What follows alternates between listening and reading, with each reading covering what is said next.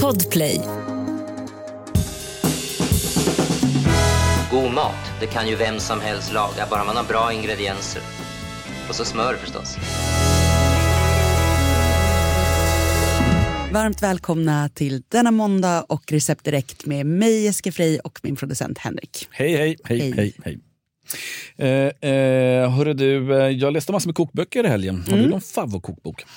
Oj, jag har ju så mycket kokböcker men jag älskar ju lite äldre kokböcker. Eh, och det finns en som jag tror kom ut, så här, 20, det är inte så gammalt kanske, men typ 2001 kanske, eh, som Arla gav ut. Som var med så spiralband bak, du vet, så att du kan liksom slå upp hela sidorna och vika den. Och den var så jäkla bra. Alltså jag vet inte hur mycket jag har liksom hämtat därur, för den var så roligt och finurligt skriven, väldigt mycket blandade recept. Och ibland var det så här ett recept och sen var det en liten tipsruta typ där det stod så här panik? frågetecken. Och så var det ett så här minirecept som var supersnabbt. Så här, ah, koka pasta, blanda med ädelost och broccoli och strössla över lite bacon. Middag på tio minuter.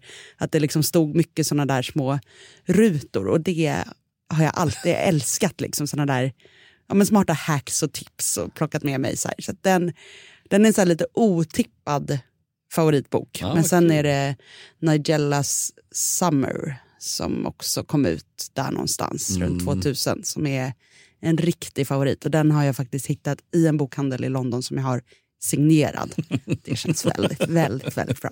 det är bra. Det är bra. Har du någon favorit? Eh, nej, men jag, kommer, jag har flera favoriter faktiskt. Men nu när du berättar om det här med att det här med spiralblocks eh, eh, kokbok så en som jag köpte på 80-talet som jag tror den hette Tusen menyer. Och så är det uppdelat i tre... Tusen menyer. Ja, ja, men så är det uppdelat så här i, eh, i spiralblocket i tre delar. Så att det är en för, eh, förrätt, en eh, varmrätt och en efterrätt. Så att då kan du slå upp bara eh, så här lite random. På, Pappret är delat i liksom. tre Ja. delar ja. Så att du slår upp så här lite random så kör du, kan du få en spontan förrätt, en spontan varmrätt och en spontan efterrätt. Men gud vad roligt, som ett litet spel nästan. Exakt. Exakt. Sånt där ser man liksom inte så mycket längre. Nej. De där lite ja, men så här receptkorten och de roliga vikningarna. Ja, Det är, det är så roligt med de här gamla kokböckerna. Det kan jag sitta och läsa som skönlitteratur. Det är underbart. Nu lyssnar vi av eh, telefonsvaren och ser om vi har fått någon ny fråga idag. Hej Jessica och tusen tack för en superbra podd vill jag säga först. Så inspirerande. Jag har en fråga idag med hänsyn till en debatt som har pågått de senaste dagarna mellan mig och min man. Och det är hur stor skillnad är det från burktomat till burktomat? Det vill säga, är det jättestor skillnad att köpa till exempel Eldorado eller ICA Basics eh, burktomater, alltså konserverade tomater och liknande? Eller är muttis eller någon sån där variant mycket, mycket bättre? Blir det liksom skillnad i smaken och tillagningen? Sen undrar jag också, vilka typer av konserverade tomater är bättre att använda när?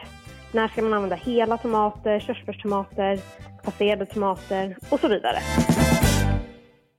Många frågor i en. Många frågor är en, men superintressant Ja. verkligen. Mm. Ja, det enklaste svaret, eller det enkla svaret är ju ja, det är ju såklart skillnad. Ja. Det är, det är inte så, alltså, tyvärr är det ju lite så att så här, kostar de fem spänn så kommer de smaka fem spänn. Ja.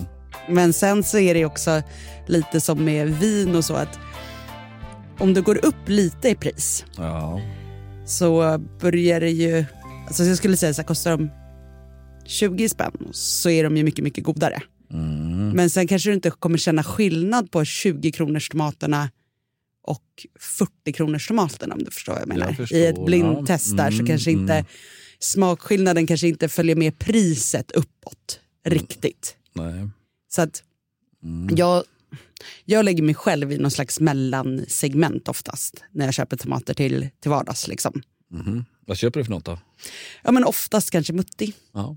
Ehm, där någonstans, de brukar ligga runt 20 spänn Mm. per burk. Ibland lite extra pris om man köper tre. Eh, Ja. eh, eh, så där någonstans brukar jag handla. Och sen om jag är i någon så här delikatessbutik och det finns lite ännu finare, då kan jag ju köpa mest för att jag tycker att det är så härliga burkar och fint. Och, och det är ju godare, men sen är det så här, ska det ner i en bolognese med massa andra grejer Ja. och sådär så försvinner det ju ändå lite grann. Så att om man har köpt de riktigt fina, då, då gör man ju kanske någon enklare tomatsås eller någonting så att man verkligen känner smaken mycket. Yes. Så att, Sen så är det så att har man inte råd kan man absolut köpa Ica Basic eller Eldorado eller något sånt där också. Och bara vara medveten om att så här, det kanske är lite tunnare smak.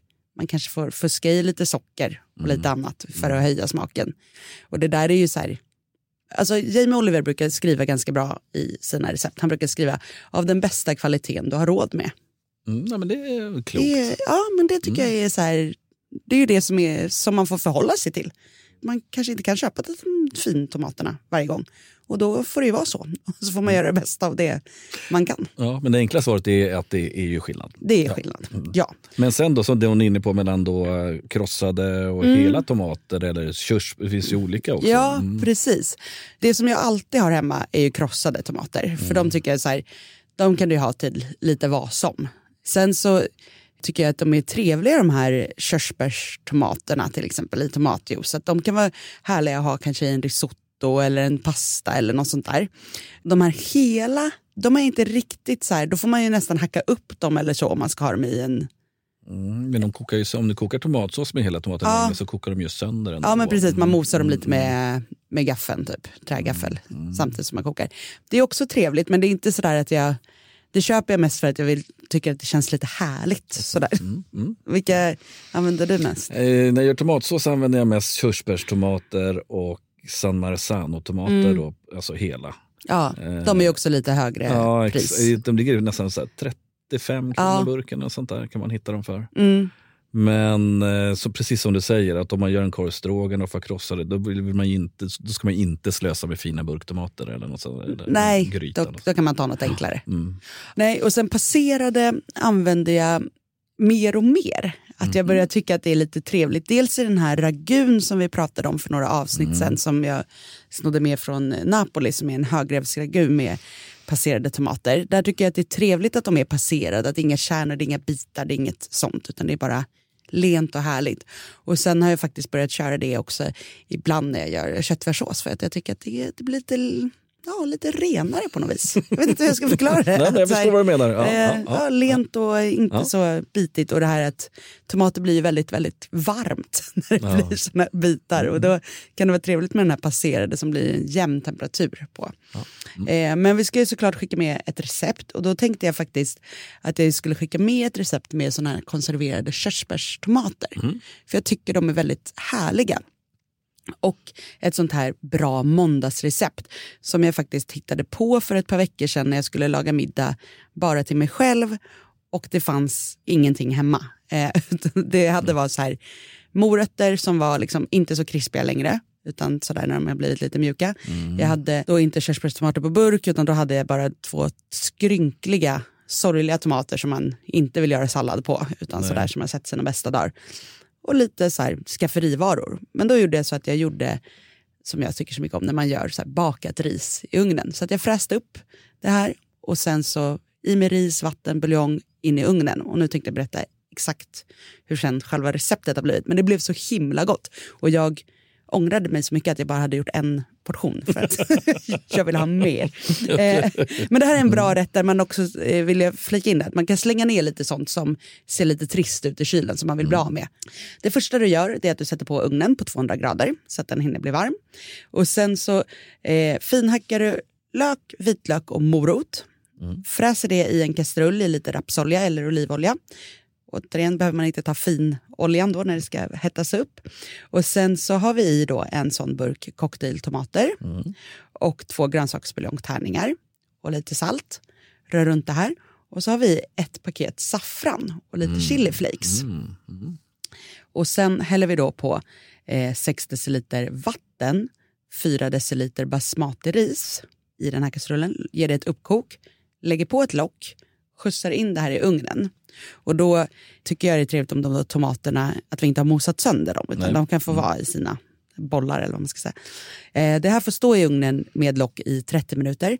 Plockar ut så är det lite som en paella. Kan man säga. Väldigt enkel. Men, ja, och där bryter vi över mozzarellaost när den har kommit ut som kan få smälta ner Oh lite. la la. När jag gjorde den här och då inte hade något hemma, då tog jag faktiskt innan den åkte in i ugnen så hade jag en halv burk med gräddfil Uff, mm. som jag inte visste vad jag skulle göra med. Så jag klickade bara gräddfilen rätt ner i det här riset.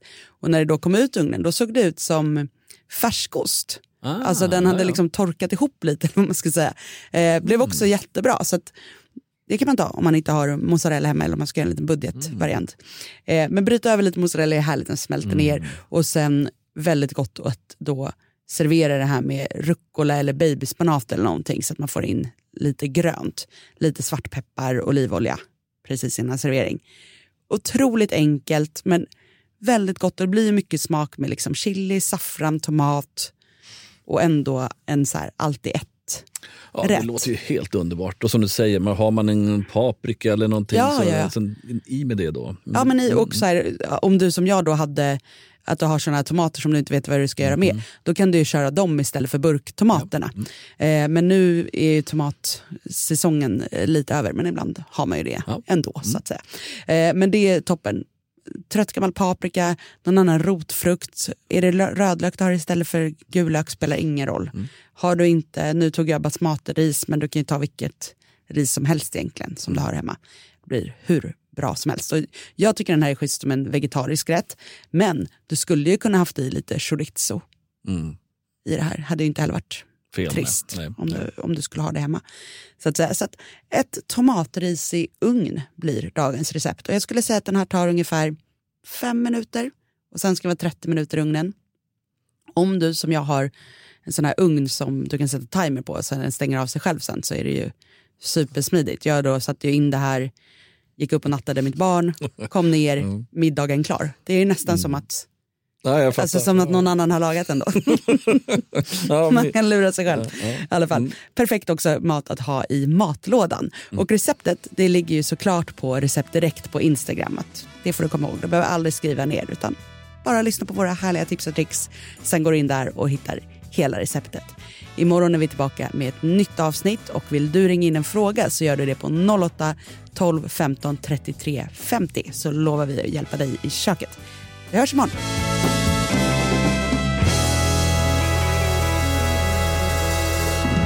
God mat, det kan ju vem som helst laga, bara man har bra ingredienser. Och så smör förstås. Podplay, en del av Power Media. Ett poddtips från Podplay. I podden Något Kaiko garanterar östgötarna Brutti och jag, Davva, dig en stor dos skratt. Där följer jag pladask för köttätandet igen. Man är lite som en jävla vampyr. Man har fått lite blodsmak och då måste man ha mer. Udda spaningar, fängslande anekdoter och en och annan arg rant. Jag måste ha mitt kaffe på morgonen för annars är jag ingen trevlig människa. Då är du ingen trevlig människa, punkt. Något Kaiko, hör du på Podplay. Därför är gardinerna.